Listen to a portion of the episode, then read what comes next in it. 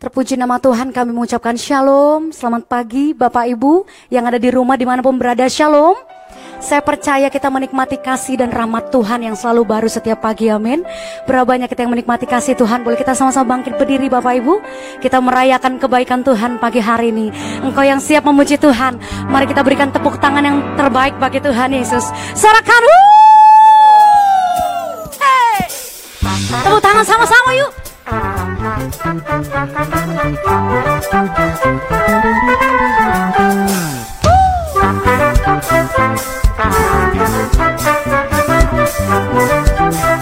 Sama-sama katakan di dalam kesesakan. Di dalam kesesakan. Kau beri kelegaan. Amin. Di dalam kesedihan. Kau beri penghiburan Kasihmu tak menyingkirkan Segala kegelapan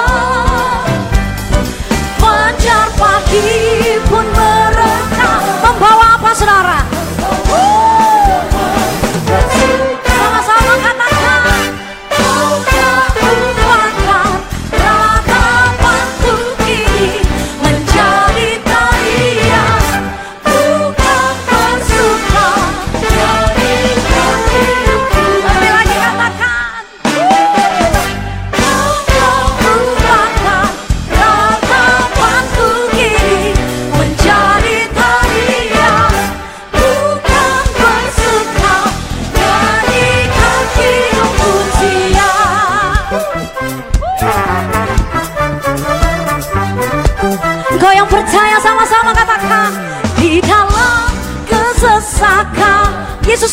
Saudara? Engkau yang di rumah boleh pandang kiri kananmu Katakan Tuhan berikan penghiburan bagi kita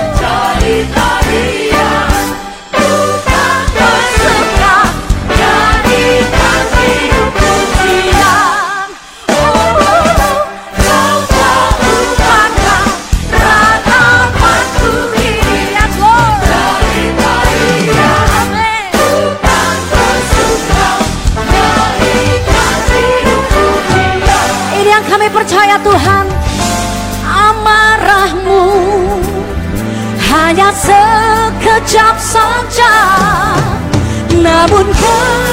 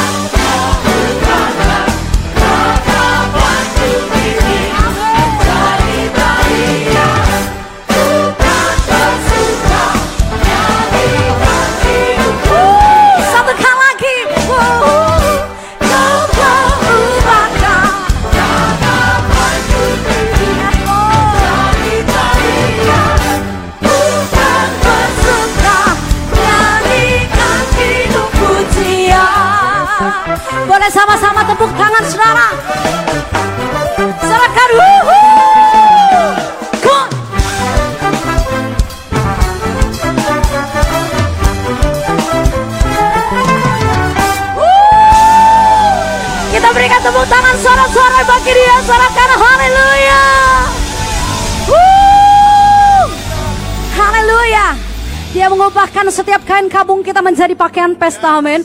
Boleh kasih tahu kepada keluarga kita yang ada di rumah kiri kanan, katakan, Tuhan ubahkan dukamu menjadi sukacita. Karena Yesus sumber sukacita kita, amin. Puji Tuhan. Mari silakan duduk saudara.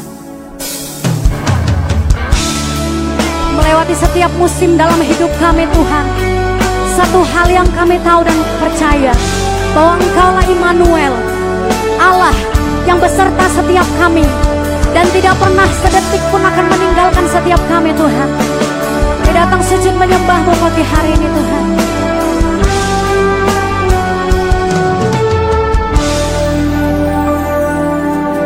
Bapakku datang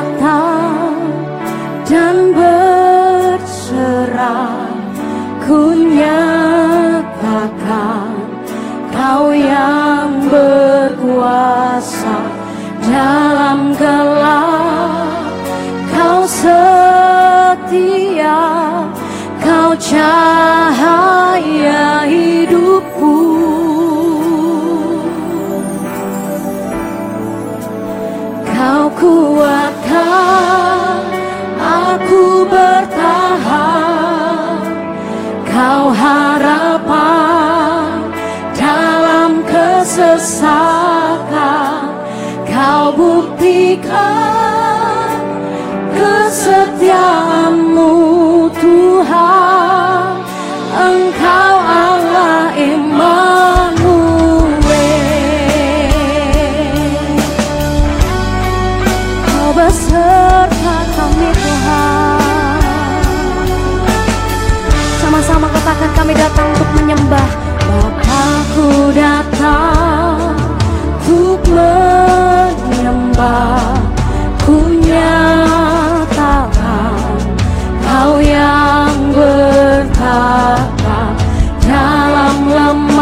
Kuasamu menjadi sempurna Tuhan.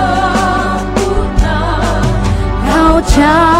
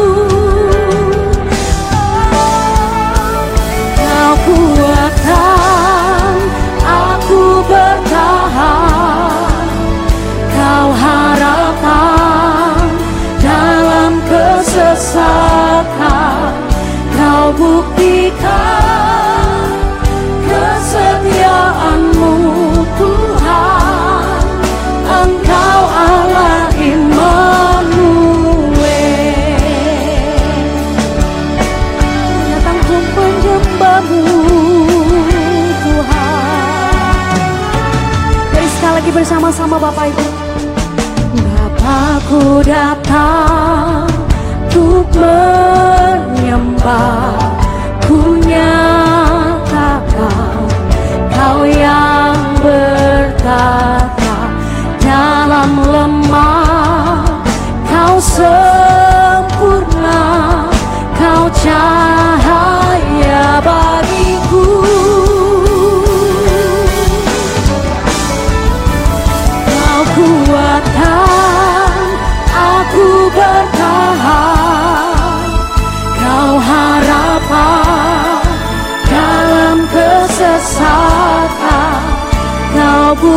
Buktikan kesetiaanmu Tuhan.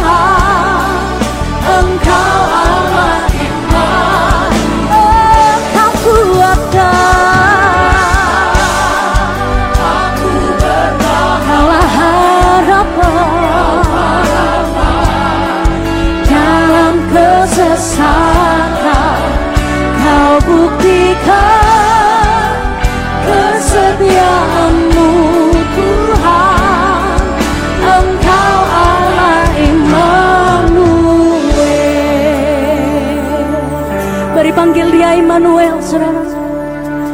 Immanuel, Immanuel, Engkau besertaku. Immanuel, Immanuel, Engkau Allah besertaku.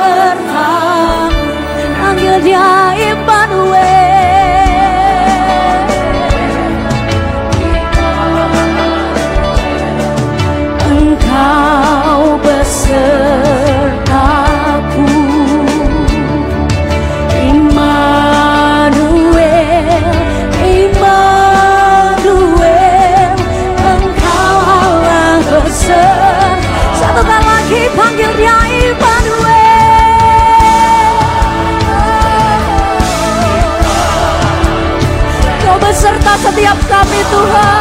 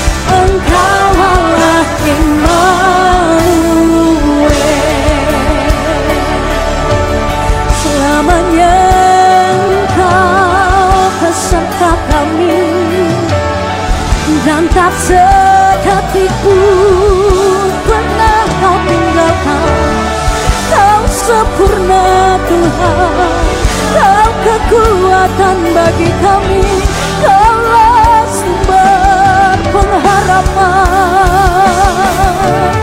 Kau kuatkan saat kami lemah kaulah pengharapan kami. Kau gunung batu kami. Dunia lama yang sekarang lama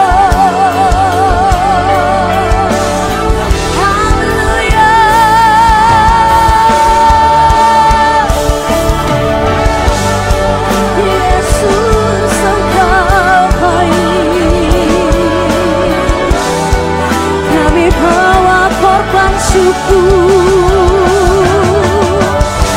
Kami lihat kami kecap Tuhan.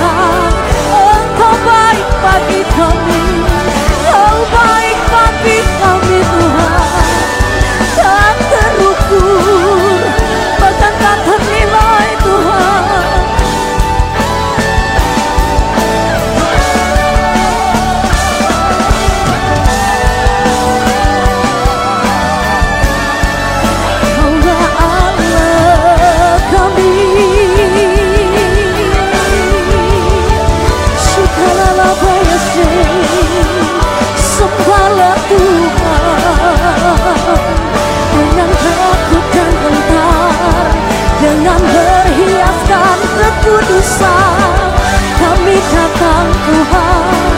Kami hampir Engkau kami bawa hidup kami Tuhan. Sebab Engkau kudus Tuhan. Sebab Engkau mulia. Layaklah memuji-muji namamu Tuhan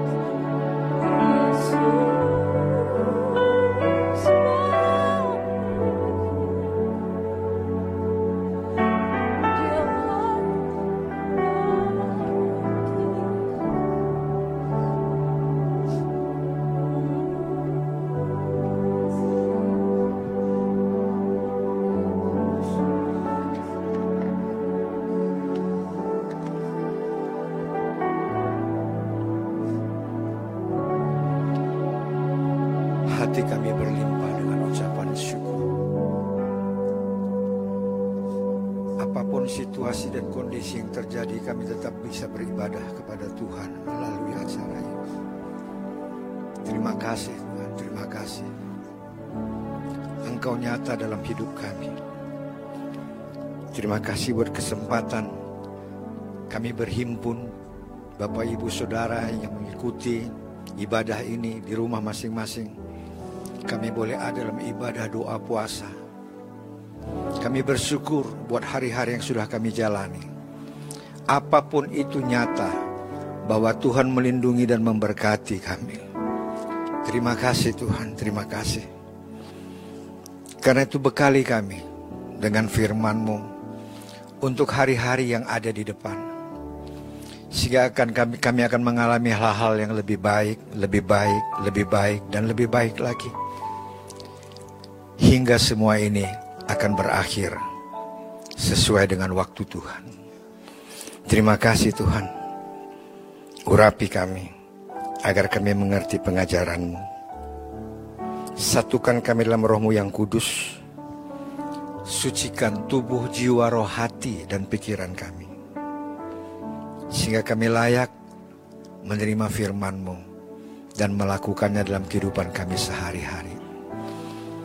Dalam nama Tuhan Yesus Kristus, kami berdoa dan mengucap syukur. Bapak, Ibu, Saudara yang di rumah, mari bersama-sama kita katakan, Amin. Shalom Bapak Ibu. Nah, pagi hari ini kita bersama-sama di dalam ibadah doa puasa. Hari-hari yang sudah kita jalani lebih kurang dua bulan, sungguh satu hal yang saya pikir belum ada kita mengalaminya satupun. Tapi hari ini kita izinkan, diizinkan untuk mengalaminya. Saya bisa merasakan bagaimana perasaan Bapak, Ibu, Saudara di rumah. Selama lebih kurang dua bulan, kita mengurung diri, membatasi semua kegiatan kita. Mungkin kita sampai kepada titik jenuh. Dan hari ini mari, ada kabar baik. Yaitu bersukacitalah di dalam pengharapan. Nah, kita tidak tahu kapan ini berakhir. Tetapi hal ini pasti berakhir. Dan kita bersatu hati berdoa, tidak lama lagi semua ini akan selesai. Dan kita kembali ke dalam kehidupan yang normal. Ada kabar baik, bersukacitalah dalam pengharapan itu ada di Roma 12 ayat 12. Tetapi waktu saya mempelajari, mendalami ayat ini, maka dasar kuncinya ada di Roma 12 ayat 11. Kalau kita berhasil dengan ayat 11 ini, maka saya hakul yakin ayat 12 akan kita nikmati. Ayat 11 mengatakan, janganlah hendaknya kerajinanmu kendor, biarlah rohmu menyala-nyala dan layanilah Tuhan. Pemahaman ayat ini adalah jangan malas. Jangan malas, itu kuncinya, jangan malas. Karena kalau penyakit malas sudah merasuk dalam kehidupan kita, apalagi hari-hari ini kita begitu banyak waktu di rumah. Bila mana malas, penyakit malas itu muncul, itu merepotkan. Nah, jangan malas, biarkan rohmu berkobar melayani Tuhan.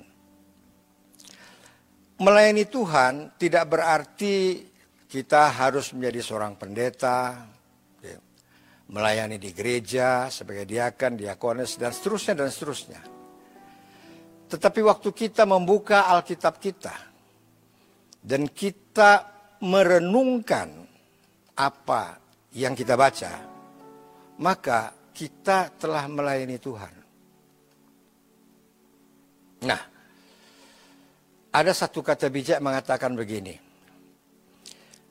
Tuhan tidak akan membuka pintu terobosan bagi orang yang menutup Alkitabnya. Kita punya kesempatan yang banyak. Ini sudah dua bulan. Saya bayangkan dua bulan itu kalau lima pasal sehari, sudah sampai kitab mana kita. Nah, oleh karena itu mari, ya. ayo kita berpikir positif bahwa hari-hari yang kita sedang jalani ini, Tuhan menginginkan kita untuk membangun hubungan yang lebih intim lagi dengan Tuhan. Mungkin saja Tuhan punya rencana, selesai ini, maka sesuatu yang baik timbul dalam kehidupan kita apa yang nggak pernah kita pikirkan, apa yang nggak pernah timbul dalam hati, itu Tuhan telah sediakan. Jadi mari bangun dan jangan malas, biarkan roh kita berkobar dan kita mengikuti apa yang diajarkan Tuhan. Ayat 12 dikatakan, bersukacitalah dalam pengharapan, sabarlah dalam kesesakan, dan bertekunlah dalam doa. Di ayat 12 ini, supaya ada kabar baik, ada tiga hal yang harus kita perhatikan. Tiga hal yang harus kita pelajari, tiga hal yang harus kita pahami, dan tiga hal yang harus kita lakukan. Yang pertama, ya, dikatakan dalam pengharapan, kalau kita melihat bahasa aslinya adalah elpis, artinya keyakinan. Jadi, yang dimaksud dalam ayat ini adalah bersukacitalah di dalam keyakinan. Ya. Kalau kita yakin, kita beriman bahwa ini akan segera selesai, nah kita nggak perlu terpuruk dalam kondisi yang sedang kita jalani. Kita tetap bisa bersukacita. Memang, memang kita harus jujur. Kita jalani nggak mudah. Saya sendiri yang menjalaninya dengan disiplin, kadang-kadang timbul juga ya rasa bosan, manusiawi. Bapak Ibu, saudara-saudara tahu apa yang saya lakukan? Kalau saya sudah bete, saya keluar dengan mobil ditanya sama ibu mau ke mana. Saya bilang KTM. Padahal ATM itu nggak jauh, nggak lebih dari 200 meter dari rumah saya. Begitu saya keluar ke ATM, oke, sudah untuk beli token, kemudian kembali lagi, rasanya senang banget lihat jalanan itu. Itu seperti kalau Pak Bambang bilang seperti anak kecil diizinkan orang tuanya mandi hujan, kayak begitu itu. Ya, ya, senang banget. Ya itu. Jadi jadi ya saya orang yang berpikir logis lah, ya kan, logis. Tapi bagaimana kita mengatasinya itu yang perlu. Bagaimana kita mengatasinya? Kalau kita ada di depan TV setiap hari, maka berita itu nggak ada yang menggembirakan. Angkanya bertambah terus. Saya bukan penggemar nonton drakor, ya kan? Nah itu dia. Jadi ya itu bete, ya jujur jujur. Tapi ada jalan keluar yang bisa kita lakukan. Apa yang saya lakukan waktu saya berjemur? Saya ambil buku yang belum saya, pernah saya baca. Ada satu buku tulisan tulisan dari Dr. Richard Daulay tentang ya uh, agama dan politik di Indonesia. Nah, dalam hari-hari ini saya bisa membaca itu. Padahal itu sejak saya, sejak saya beli nggak pernah nggak pernah saya sentuh. Ya. Nah, oleh karena itu banyak hal yang bisa kita lakukan. Ya. Sehingga dengan demikian, ya, biarkan roh kita berkobar melayani Tuhan. Jadi, kita bersuka cita di dalam keyakinan. Dalam iman. Kemudian dikatakan sabarlah. Ya. Upomeno, bertahanlah. Bertahan dengan sabar itu, kalau sabar, sebenarnya kalau bertahan itu, kalau pakai istilah di Alkitab, itu dikatakan panjang sabar. Karena sabar itu ada batasnya. Ya. Tapi kalau bertahanlah apa pun yang terjadi, ya kan, tetap kita bisa menerimanya. Nah, dikatakan ya, bertahanlah dalam kesesakan dan bertekunlah proskarterio memakai banyak waktu dalam doa. Ini kesempatan bagi kita untuk membangun mesbah doa. Ini suatu kesempatan yang bagi saya berpikir positif saja Tuhan izinkan untuk maaf kita yang jarang berdoa karena kesibukan kita, hari ini kita mulai membangun doa. Karena kita penuh dengan harapan. Karena kita penuh dengan pengharapan. Dan banyak hal yang tidak bisa kita atasi hari-hari ini. Nah, karena itu, ya ayat 12 mengatakan, bersukacitalah di dalam keyakinan, bertahanlah dalam kesesakan, dan bertekunlah memakai banyak waktu dalam doa. Mari kita lihat, kita bahas tiga hal ini. Keyakinan. Keyakinan itu iman. Kalau kita yakin berarti kita beriman. Kalau kita yakin bahwa penyakit sampar ini akan berhenti seperti yang kita baca di Alkitab, maka kita beriman pada satu titik dia akan berhenti, tidak lama lagi. Nah, permasalahannya Pemahaman iman itu apa? Banyak pandangan, banyak tulisan. Tetapi bagi saya sederhana aja.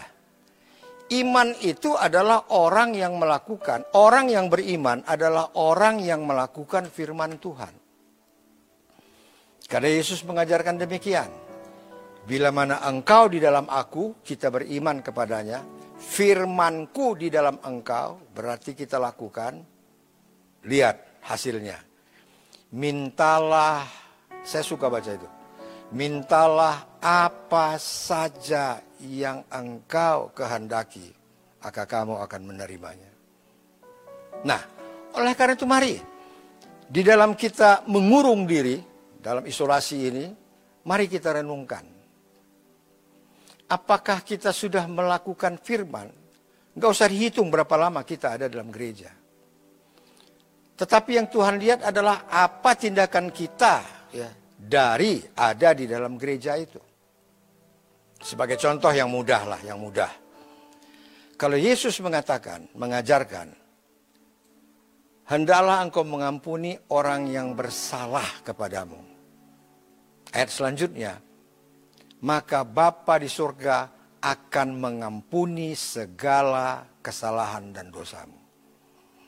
Nah, ini kesempatan kita untuk melepaskan, belajar untuk melepaskan pengampunan. Selesai satu, masih ada pelajaran yang lain. Setiap apa yang kita baca selama kita mengurung diri ini, lakukan, lakukan, lakukan dengan sungguh-sungguh. Bayangkan, pada waktu kita kembali kepada kehidupan normal, terbuka jalan bagi kita untuk melakukan apa yang kita perbuat, maka kita pasti berhasil. Karena kita sudah membangun hubungan dengan Tuhan. Ini kabar baik di tengah keburukan yang ada. Yang kedua, kita belajar dikatakan bertahanlah. Bertahanlah itu tadi saya katakan itu bukan hanya kesabaran, bertahanlah itu berarti lebih dari itu dengan keteguhan hati. Orang yang mampu bertahan itu itu dengan keteguhan hati. Kalau nggak punya keteguhan hati, pasti dia gagal tengah jalan.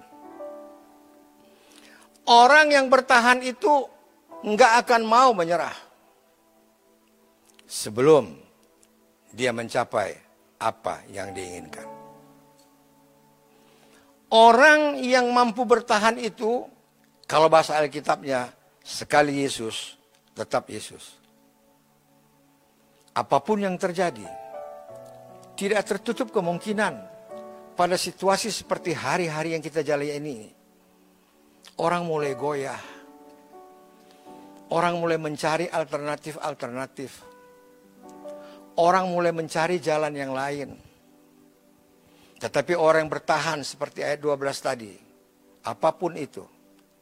Maka dia akan tetap bertahan dan berharap kepada Yesus sebagai Tuhan dan Juru Selamatnya. Nah, saya mengajak Bapak Ibu saudara dari rumah. Mari perhatikan baik-baik. Pada waktu kita melakukan firman Tuhan selama kita mengisolasi diri. Tolong, please perhatikan.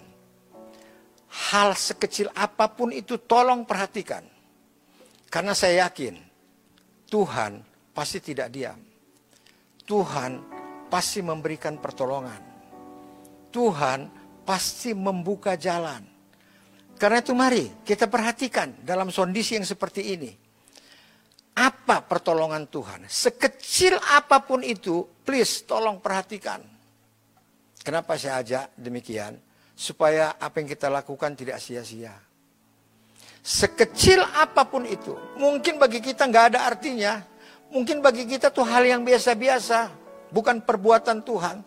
Tapi pada waktu yang seperti ini, sekecil apa pun itu, tolong diperhatikan. Dan lihat, bila mana hal yang kecil itu ada, dengar baik-baik, itu bukti bahwa Allah ada dan dia menyertai kita semua, Bapak Ibu, saudara-saudara yang ada di rumah. Dari situ, selesai kita mengurung diri, maka saya yakin ada hal yang jauh lebih baik, lebih baik, lebih baik, dan yang lebih baik yang Tuhan akan lakukan, yang Tuhan akan perbuat di dalam kehidupan kita. Mungkin dalam pekerjaan kita, mungkin di dalam bisnis kita, mungkin pendidikan anak-anak cucu-cucu kita, mungkin di dalam rumah tangga kita, dan di dalam pelayanan kita. Nah, oleh karena itu mari, yang ketiga, dikatakan tadi, kita memakai banyak waktu untuk berdoa. Memakai banyak waktu untuk berdoa. Saya interesan dengan kalimat ini. Mungkin selama ini kita terlalu, terlalu, terlalu sibuk dengan bisnis kita, dengan pendidikan kita, dengan pekerjaan kita, Apalagi bagi orang-orang yang mengejar karier, di dalam pelayanan kita. Nah, ini waktunya. Ini waktunya. Kita untuk kembali riset. Diam di hadapan Tuhan dan berdoa.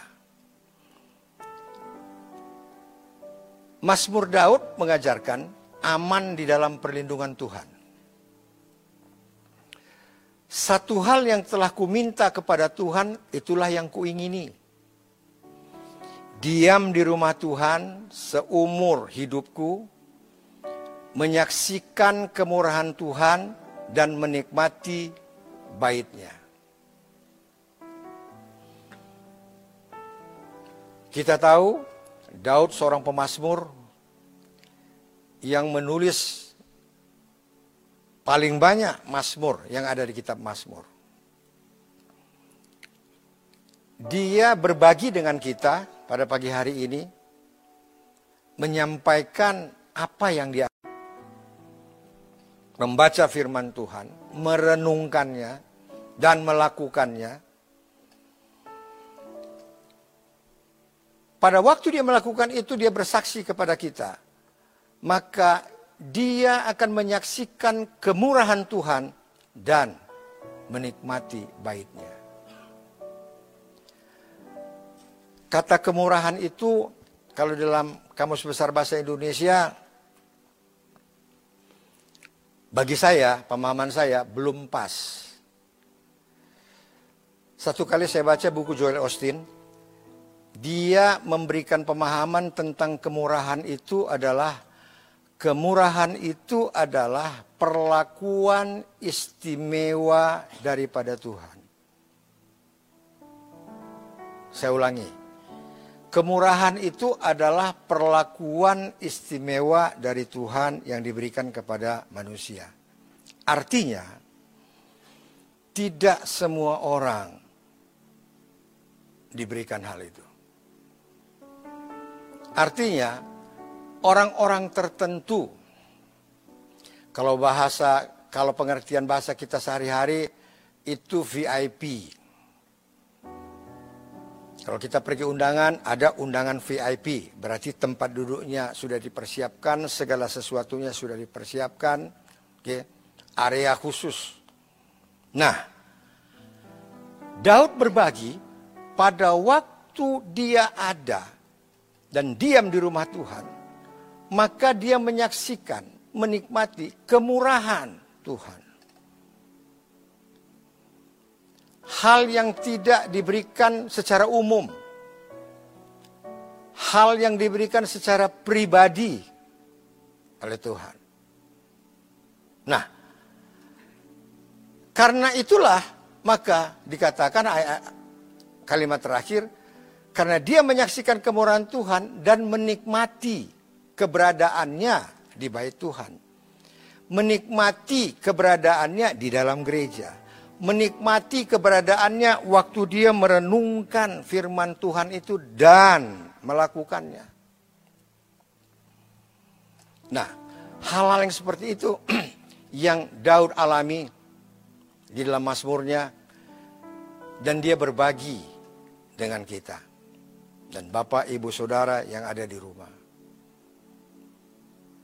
Kembali lagi kepada inti permasalahan. Mari, di dalam kita berdiam diri, kita lakukan sesuatu. Kita buat terobosan. Kalau istilah saya, di dalam kita mengurung diri, kita caper dengan Tuhan, bukan baper.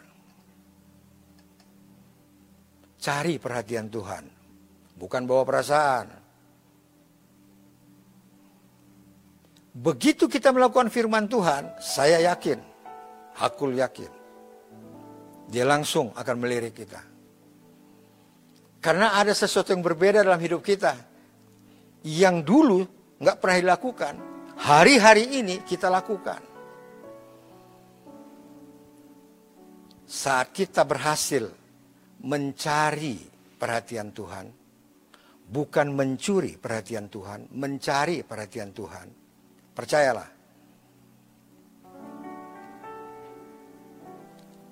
Tuhan akan tertarik dengan pribadi kita. Dan Tuhan akan membuat rencana di dalam kehidupan kita. Selesai kita berdiam diri. Ini kesempatan yang terbaik. Mungkin barangkali sepanjang hidup kita hal yang seperti ini nggak ada duanya. Nah, oleh karena itu mari, mari, jangan kita sia-siakan waktu. Jangan tegar tengkuk, jangan keras kepala. Rendahkan diri di hadapan Tuhan. Katakan kepada Tuhan, aku salah. Selesai. Dan perbaiki. Nah, dengan demikian, pada saat kita melakukan itu, maka apa yang terjadi? Sementara kita berdiam diri, tadi saya sudah ingatkan, tolong perhatikan apa yang berubah, apa yang ada dalam kehidupan kita sewaktu kita membangun hubungan dengan Tuhan hari-hari ini, sekecil apa pun itu, yakinlah bahwa itu berasal dari Tuhan. Yakinlah bahwa Allah ada di dalam kehidupan kita. Yakinlah bahwa Allah hadir di dalam kehidupan keluarga dan rumah tangga kita. Sehingga selesai semua ini, maka kita akan tampil beda di hadapan Tuhan. Nah, oleh karena itu, Tuhan membuka jalan saat tiada jalan bagi kita hari-hari ini. Mari siapkan hati kita. Kita akan masuk ke dalam perjamuan kudus.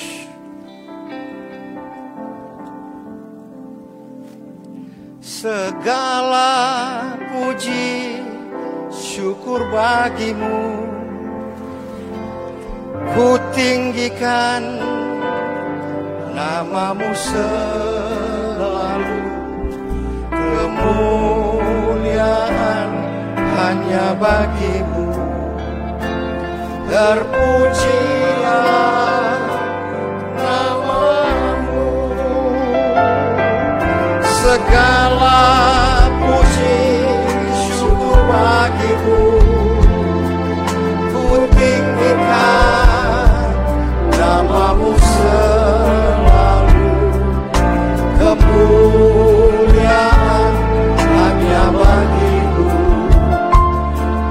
terpujilah namamu.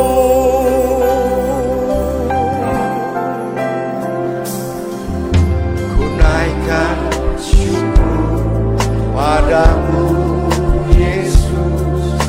Ku sembah sujud kepadamu Tuhan. Di hadapan takhta kemuliaanmu ku tinggikan ku agungkan selamanya. Ku naikkan syukur padamu Yesus. Ku sembah sujud kepadamu Tuhan. Di hadapan takhta kemuliaanmu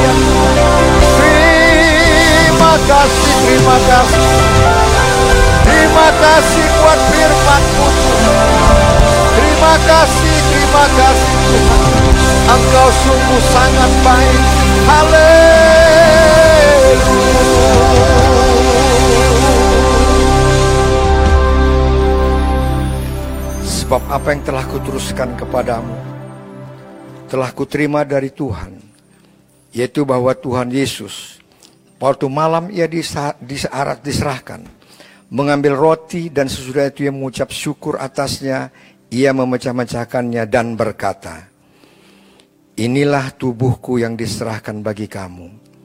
Perbuatlah ini menjadi peringatan akan aku. Mari kita angkat roti tangan kanan kita tinggi-tinggi. Saudara yang dikasih Tuhan Yesus, bukankah roti yang kita pecah-pecahkan ini merupakan persekutuan dengan tubuh Kristus? Marilah kita makan dalam nama Tuhan Yesus.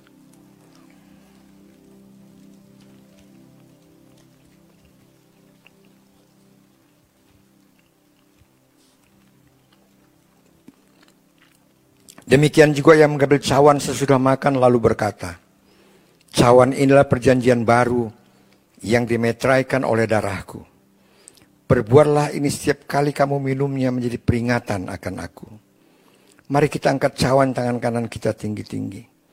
Saudara yang dikasih Tuhan, bukankah cawan yang atas yang kita ucapkan syukur ini adalah persekutuan dengan darah Kristus? Marilah kita minum dalam nama Tuhan Yesus.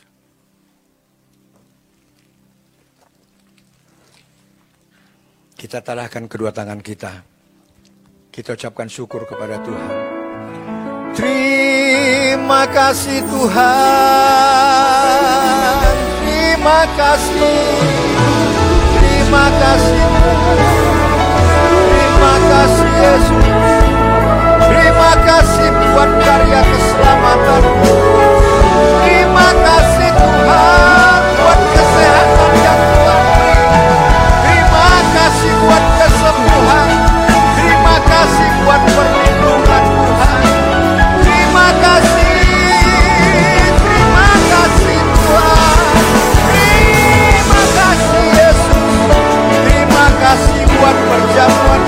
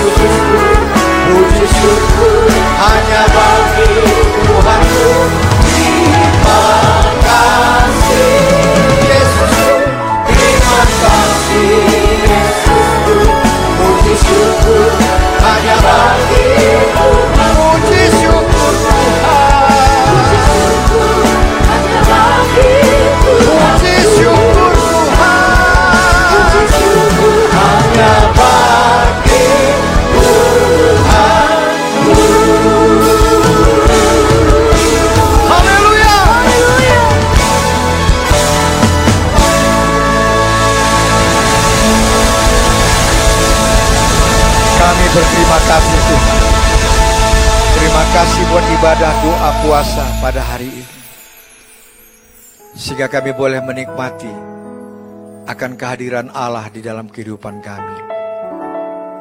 Di rumah tangga kami masing-masing. Terima kasih. Engkau Allah yang maha hadir.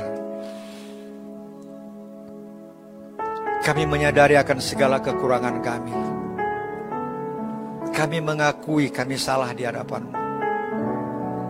Karena itu kami mohon dalam ibadah ini.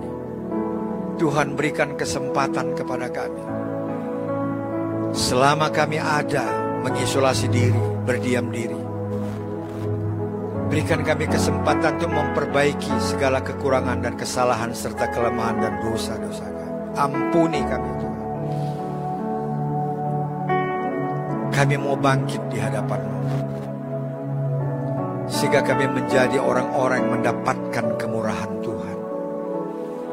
Terima kasih. Terima kasih. Kami jadikan situasi kondisi hari-hari ini menjadi suatu pelajaran yang berharga bagi hidup kami, keluarga kami, rumah tangga kami. bahwa hanya Tuhan tempat berharap. bahwa hanya Yesuslah pengharapan kami yang akan membawa kami bebas dan keluar daripada keadaan ini. Dan tidak hanya itu saja. Tapi waktu kami kembali kepada kehidupan normal, maka Allah yang telah membentuk kami di dalam hari-hari yang kami akan menikmati segala yang baik dalam hidup ini. Hidup kami akan berubah menjadi lebih baik, lebih baik, lebih baik, dan lebih baik lagi. Apa saja yang kami kerjakan, kami pasti berhasil. Kami banyak mengambil pelajaran dan pengajaran selama kami berdiam diri. Ada suatu kehidupan yang baru ada suatu era baru dalam kehidupan kami, hidup di dalam Yesus dan Yesus di dalam kami. Sehingga apa yang menjadi pengharapan kami, apa yang menjadi cita-cita kami akan terwujud pada waktu. Terima kasih Tuhan. Tidak ada Tuhan selain Engkau. Tidak ada Tuhan yang seperti Engkau. Hanya Engkaulah satu-satunya Tuhan dan juru selamat kami dan keluarga kami. Terima kasih. Terima kasih Tuhan. Terima kasih buat tuntunanmu. Metraikan, kuduskan firmanmu di dalam hati dan pikiran kami. Roh Kudus, dorong kami. Berikan kami pemahaman akan apa yang kami dengar siang hari ini. Agar kami berani melangkah memulai langkah pertama yaitu berharap kepada Tuhan. Terima kasih, terima kasih Tuhan. Kami berdoa bagi para pemimpin bangsa ini. Kami berdoa bagi para pemimpin-pemimpin kami, baik di pusat, di daerah, sampai ke daerah terpencil sekalipun. Tuhan berikan hikmat kepada para pemimpin kami Kiranya Tuhan berkenan mengurapi mereka. Agar mereka mempunyai hikmat seperti apa yang diinginkan Tuhan untuk membawa bangsa ini menjadi lebih baik, lebih baik, lebih baik, dan lebih baik lagi.